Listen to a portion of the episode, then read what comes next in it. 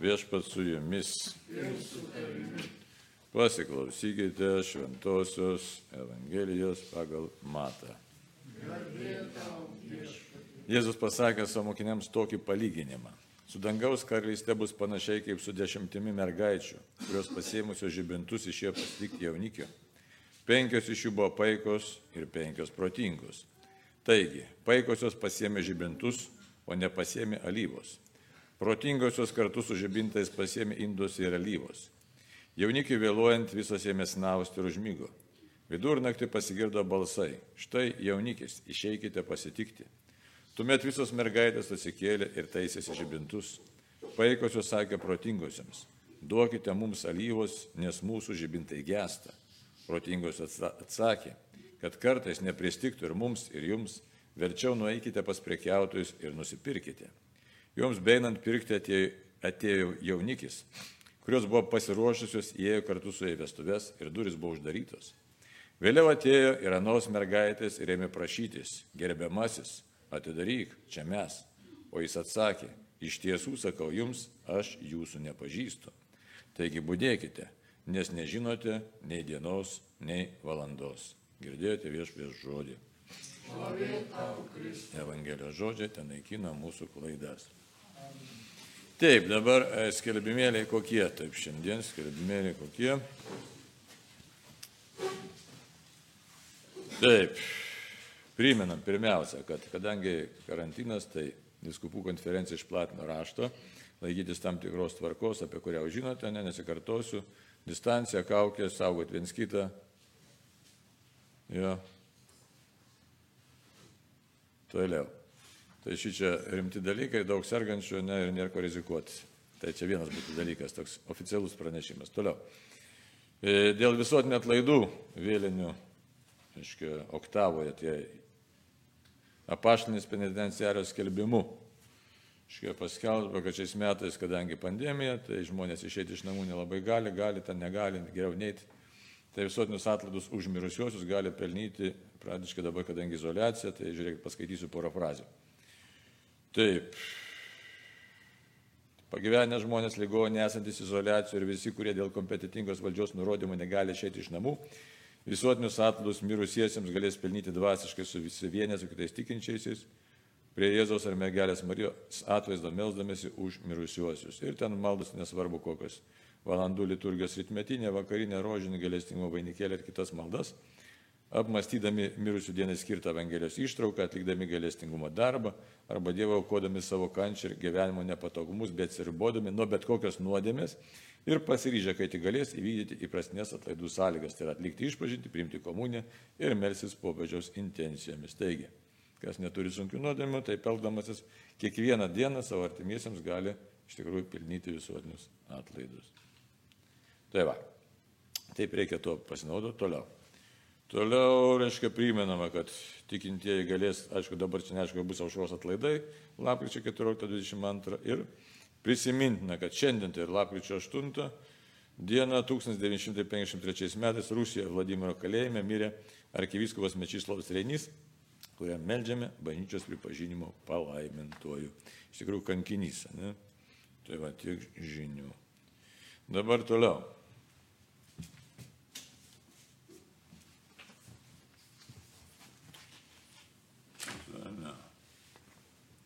Žvelgiam į Evangeliją, šventą raštą ir apie ką kalba. Kalba iš tikrųjų tokia įdomi.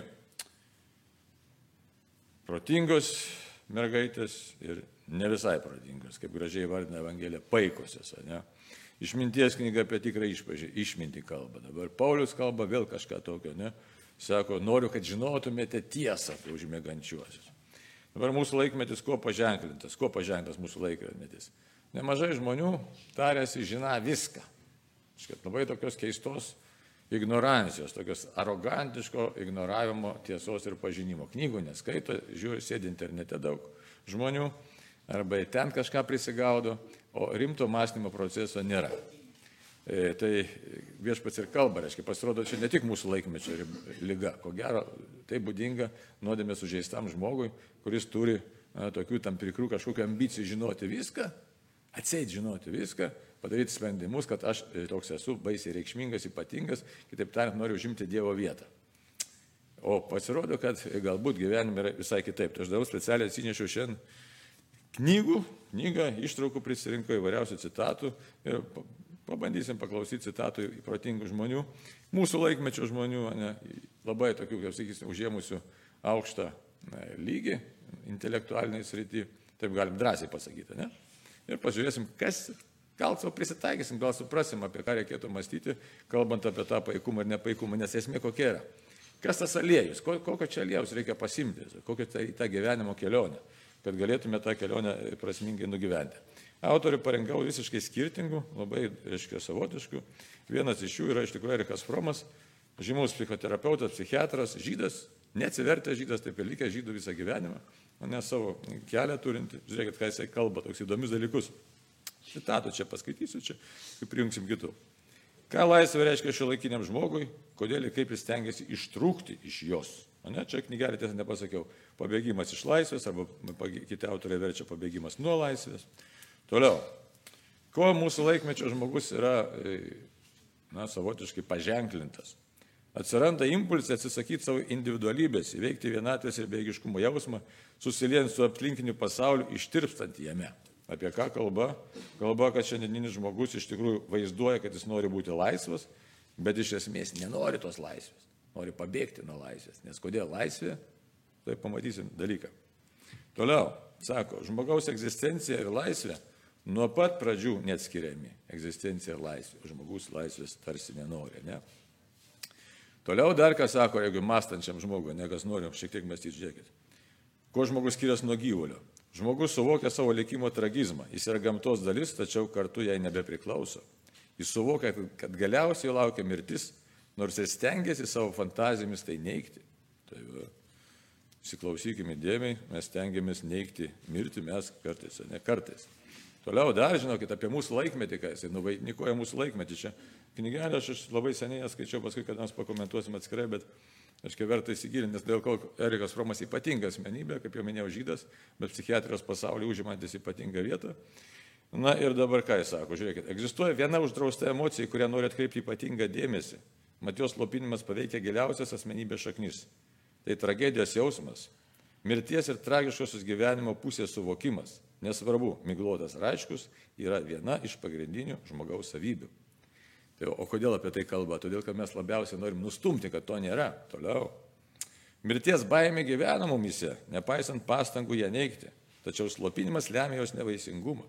Ši baimė yra viena iš, iš mūsų išgyvenimo skurdumo mūsų nepaliaujamo gyvenimo vaikymosi priežastis, paaiškina, galiu drąsiai teikti, tas neįtikėtinas sumas, kurias žmonės paklojo už savo laidotuvės.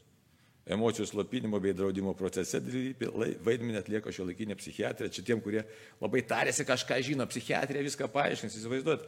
Fromas pasaulinio garso psichiatras sako, žiūrėkit ką. Psichiatrija, daugelio psichiatrų, skaitant psichoanalitikos pastangomis, reiškia, kas yra. Pavirto ginklu pasitarnaujančių bendrai tendencijai manipuliuoti asmenybę. Daugelio psichiatrų, skaitai psichoanalikius pastangomis, sukurtas normalus kabutėse žmogus, kuris niekada nebūna nei pernelik liūdnas, nei pernelik piktas ar susijaudinęs, sukūriamas įspūdis toks. Šio standarto netitinkančius charakterio bruožus ir asmenybės tipus jie vadina infantiliškais. Taip pat jausmai kaip be emocijos iškraipomas ir taip pat iškraipomas originalus mąstymas. Apie ką kalba, kalba Fromas, aišku, vertų paskaityti, aš čia greituoju būdu skaitau keletą citatėlę. Kitas dalykas. Kito savarankiško mąstymo slopinimo būdo glaudžiai susijusio su pirmoji esmė yra ta, kad bet kuri tiesa laikoma sąlyginė. Ką čia norima pasakyti? Kad mūsų laikmečių kas yra būdinga. Viskas relatyvų, nėra tiesos. O, nėra tiesos, pala, pala. Kaip gali nebūti tiesos? Dabar kita citata iš kito psichiatro, psichoterapeuto. Žydas taip pat, aiškiai, vienos mokykla, Bet atsivertė žydas, katalikas, ne, kuris eidavo į bažnyčią, Viktoras Franklis, žmogus ieško prasmės. Ne? Žiūrėkit, ką jis toliau sako. Ką reiškia gyventi? Ne? Svarbu ne tai, ko mes dar laukime iš gyvenimo. Daug svarbiau yra tai, ko gyvenimas laukia iš mūsų. Kiekvienas žmogus kasdieną, kas valandą yra gyvenimo klausimas. Tad jo klausimus privalo atsakyti teisingai. Ne svajonėmis ar kalbomis, o teisinga veikla, teisingu elgesiu. Ne, tai pažiūrėtų, ne vienas kitas dalykas, ką sako vienas, ką antras ir pažiūrėsim, koks ryšys paskui su, su mūsų gyvenimu, su evangelinė laikysena. Toliau. Gyventi vadinasi imtis atsakomybės, teisingai atsakant į gyvenimo klausimus, vykdant jo keliamas užduotis, atliekant tai, ko iš mūsų reikalauja ši valanda. Gyvenimas nėra kažkas miglota, jis kas kartą yra labai konkretus, jo keliami reikalavimai mums taip pat yra labai konkretus. Šis konkretumas ir nulėmė žmogaus likimą. Protingas ir paikusios mergaitės. Konkretumas nulėmė likimą. Toliau. Žmogus, kuriam konkretus likimas skiria kančią, privalo žiūrėti ją kaip į užduotį, visiškai unikalią užduotį. Net kentėdamas žmogus turi įsisamoninti, esas vienintelis ir nepakartojamas visatoje su savo skaudžiu likimu. Tai va. Tiek psichiatrijos, ne dabar, e, kita šiek tiek tema, Aleksandras Dambrauskas, Adomas Jakštas, poetas, kunigas, ypatinga asmenybė Lietuvos irgi padangė, nes e, labai gražų kelią gyvenimo nuėjo, čia neskai, ne, neaiškinsiu, bet galite internete pasižiūrėti. Bet jo frazė labai ta graži, kadangi poetas buvo, sako, mes ne savo ugnimi žėruojam, mes ne savo aplinkui šviesą vėjam. Ir ant jo kapo prie Kauno arkikadarus ta frazė yra iškalta ant ant kapinės lentos.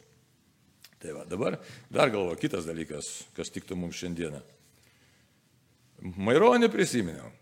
Ne, pabandykim paskaityti keletą posmelių. Kovoja dėl šviesesnės vaikams ateities, suvargę be metų pasenę, bet to savo išplėšti neduosime vilties, ne veltui čia mes begyvenę. Už tai, kad kentėjome nenusiminę, nors slėgė nelaisvės našta, kad juosios sulaužėme grandį gelžinę, tik ištverme darbo reta. Nu va. Tai vienas dalykas, ką sako, ir dar maironio kitas šalindų savimą. Ne? Kas bijo šešiolė, šešėlius temato, tas Dievo galybės tikrai nesuprato, naktis jam visur be vilties. Kaip vyrai be baimės mes tokimi kovą, kaip milžinas amžių baisus, o meilė tėvynės tebūna vadovų ir Dievas, kuris valdo visus. Darbuosimės ir eisime, kur šaukia tėvynė, mylėsim ir gersime, ką prosinė gynė, tėvynė iš miego pabus. Tai kiti motyvai da. Ir dabar noriu prisiminti už tai, kokią kainą, ne mes dabar čia virusas, pandemija, tas, anas, aiškiai, pirmą, kai koronos banga buvo, staiga visi prityla, nu, Reikia Dievo, kažkas čia ne taip. Paskui vėl atsileidžia viskas ne, ir vėl pasineriam į ką mūsų laikmetis ko būdingas. Tuo tiesos nepažinimu. Nėra tiesos pažinimo, ne. Kaip jau minėjau, ta arogancija didžiulė ir žiūrėkit, net ir spaudžia konkreti lyga. Nu, dar tokia, ne, dar nekrenta lavonai gatvėse. Bet kas ten žino, Dievas gali leisti. Kita lyga, mara, dar ką nors ir panašiai. Reiškia, kad žmogus susimastytų apie gyvenimo prasme. Ir nėra to pras, prasmės mąstymų, nes ne tik Lietuvoje, vakarų pasaulyje, gal visam pasaulyje. Kūrė kažkokias keistas vertybės, ne šeima neigia kažką, kovoja dėl kažkokio, sakysim, dėl nuodėmės kovoja. Jeigu taip realiai žiūrėti, ne, kovoja, kad įteisinti nuodėmę ir atstumti darybę. Bet mes gyvi visai kitą kainą. Dabar šiandien prisimenu arkiviskų pareinį, Mečyslavas Reinys, toj paskaitysiu jo šiek tiek biografijos, šiek tiek. Bet ne tik jis vienas. Dabar žiūrėkit, kalbėti dabar Lietuvoje apie didvyrius mūsų nemadinga, apie partizanus nemadinga, aiškiai, apie patriotizmą nemadinga. Aiškiai, bet paklausim, kokią kainą mes čia sėdim šiandien, turim tikėjimą, esam gyvi, galim lietuviškai kalbėti ir galim kažką tai savo kurti, bet kuriam tokį pasaulėlį, tokį siaurą pasaulėlį. Ir daug žmonių sako, neįmanoma gyventi kitaip. Bet čia paskaičiau, reiškia, kas tie autoriai, reiktų pasidomėti, sakysim, Franklis. Į lagerį savo norų pateko. Nacijų, žydas naikinamas pateko savo norų, kad nepalikti tėvų vienų. Įsivaizduojat? Kas iš mūsų sakytų, taip, aš einu kartu su savo tėvu ir motina, einu numirti. Ten, ar kas nebijojo? Bijojo, dabar mūsų Lietuva irgi kokią kainą iškovota. Ne, tūkstančiai partizanų, tūkstančiai, dabar ne tik partizanų, dabar buvo tarybinis laikotarpis, pogrindis, kronika, maldos, viskas išsaugota. Dabar, sakom, nieko nereikia, čia viskas nesąmonė, Dievo nėra, aš tik noriu, ką man tėvynė turi duoti ir taip toliau. Bet žmogau, laikas tai labai trumpas, kas tas aliejus, ta lyva, kas tai yra lyva, ant e, ta, kuri man nupelnam žinybę. Čiagi yra tikroji esmė. Dabar žiūrėkit, Dievo tarnas Mečyslavas Reinys, ne? aukštaitis, ten aš iš daugailių parapijos, čia neskaitysiu, kiek aš čia nuopelną iš tikrųjų sudėtingą gyvenimą prie labai be galo daug gero Lietuvai padarė, sukūrė tiksliau krikščionių demokratų partijos net programą parašė, ėjo užsienio reikalų ministro pareigas, bet dabar apie jo kankinystę. Kadangi 41 metais buvo praktiškai jo daug artimų išvežta į Sibirą, aiškia, o kai antroji atėjo banga sovietų okupacijos, sovietai jį, arkivyskupą, norėjo iš tikrųjų užverbuoti, aš taip labai greitojų būdų kalbu, ne? užverbuoti, kad jis taptų agentu. Ne? Jis labai, svaiduot, sako, jis kategoriškai jis sakė, sako, kad čia yra visiškas absurdas, mane, sako, kaip, sako, galima tokią valdžią pasitikėti, kuri 41 metais čiupo šimtus tūkstančių žmonių, nepateikdami kaltinimų trėmė į Sibirą. Tai daroma ir dabar, taip pat vyksta masiniai areštai ir trėmimai į lagerius. Ką reiškia tvirtumas jo. Ir kas rezultatas koks, aišku. Rezultatas toks, kad jį patį suima, išveža, nuteisė, aiškiai, nuteisė ir kalėjime jisai miršta. Tai kankinys, net čia labai trumpai reiktų įskaityti, pasuprast jo tą visą drąsą būti savimi iki galo dėl ko? Dėl savęs? Ar dėl tautos, ar dėl tikėjimo? Aišku, dėl tautos ir dėl tikėjimo. Tai va, to tokia, tokius mes turim, tokius, kaip sakyti, ne vieną, neturime. Reinys yra, e, Teofilis Matuljonis, Aiškia, bet ir nežinomų daug yra mūsų tautos visiškai užmirštų tiesiog tokių patriotų, kurie būtent sukūrė Lietuvą ir galimybę mūsų atgimti. Kai mes kaltas kalbam, kad štai nedaug sausio 13-13 žmonių, kiek ten žuvo, ne? Bet syvai tai iš kur eina? Iš tų žmonių, kurie drąsiai sakė, aš gyvenu tam, kad atlikčiau čia savo uždavinį. Dabar išskidimas visiškas, todėl kad sako daug kas, neįmanoma taip gyventi. Bet viskas iš tikrųjų priklauso nuo įsitikinimo, ir nuo pasirinkimo. Bet tai labai gražiai dar kartą galim Franklio prisiminti mintį, ne kokia mintis, labai nepaprasta mintis, ne? Kokia sako mintis, žiūrėkit. Va. Šis konkretumas nulėmė žmogaus likimą. Jis ne bažnytinė kalba kalba. Jis kalba grinai psichiatro kalba. Žmogus praėjęs lagerį, lagerį matė mirti kiekvieną dieną ir kalbėjo tiem patiem kaliniam ir sako, nenorėjau aš jiem kalbėti. Baisu kalbėti, nes pats bijau mirties. Bet jo gyvenimas davė vaisių, nuostabių vaisių. Jis tos vaisius žino, sukūrė logoterapiją. Tai dabar grįžtam prie evangelinio kalbėjimo. Irgi mums visiems reikia išgirsti, kad aš galiu. Galiu būti savimi, galiu tai tikėti. Ir tai duoda vaisių, duoda rezultatą. Dieve, tu tikrai esi. Aš galiu pasakyti, kad Dievo nėra. Galim pasakyti, nėra Dievo. Ir gyvensiu kaip be Dievo. Ir tada tas gyvenimas eina žemyn. Aš galiu sakyti, aš negaliu įveikti to ir ano ir trečio, ketvirto. Pas negaliu, bet su Dievu viską galiu. Nes kas plačiau pažiūrėta, ne, tai kai kartais primityviai žmonės šneka, kad štai kur tas Dievas, pirmiausia pažiūrėkite kiekvieną savo pirštą, kad jie juda. Kokiu būdu jie juda. Kokiu būdu lastelės veikia, kokiu būdu kas čia iš vis vyksta. Aiškiai, pasirinkimas žmogui duotas begalinis, kaip štai Reikas Fromas rašo, žmogus nori pabėgti nuo laisvės, nes bijo atsakomybės. O alyva yra tai, kad nebijok atsakomybės, čia yra, kas laukia, kas sulaukia, ką reiškia būdėjimas. Nebijau atsakomybės pasakyti Dievui taip. Nebijau tos atsakomybės, nors kartais iššūkiai labai labai sunkus. Kaip Reini, kaip kitiems kankiniams, kaip tiem nacijų kankinamiems, kaip bolševikų kankinamiems milijonams žmonių, iššūkiai be galo sunkus. Bet jie tą kelią nuėjo. Ir kai mes už tai, kas skaitoma prieškimo knygoje, sako, klausė, ne Jonas regėjime, viešpatie, iš kur šitie milijonai ar milijardai, kas ten žino, nesuskaičiuojamos minios, iš kur jie atėjo, sako, jie atėjo iš didžio sielvarto. Išsiplovė, išsibalino savo apsiaustų savinėlio krauju. Kokiu būdu?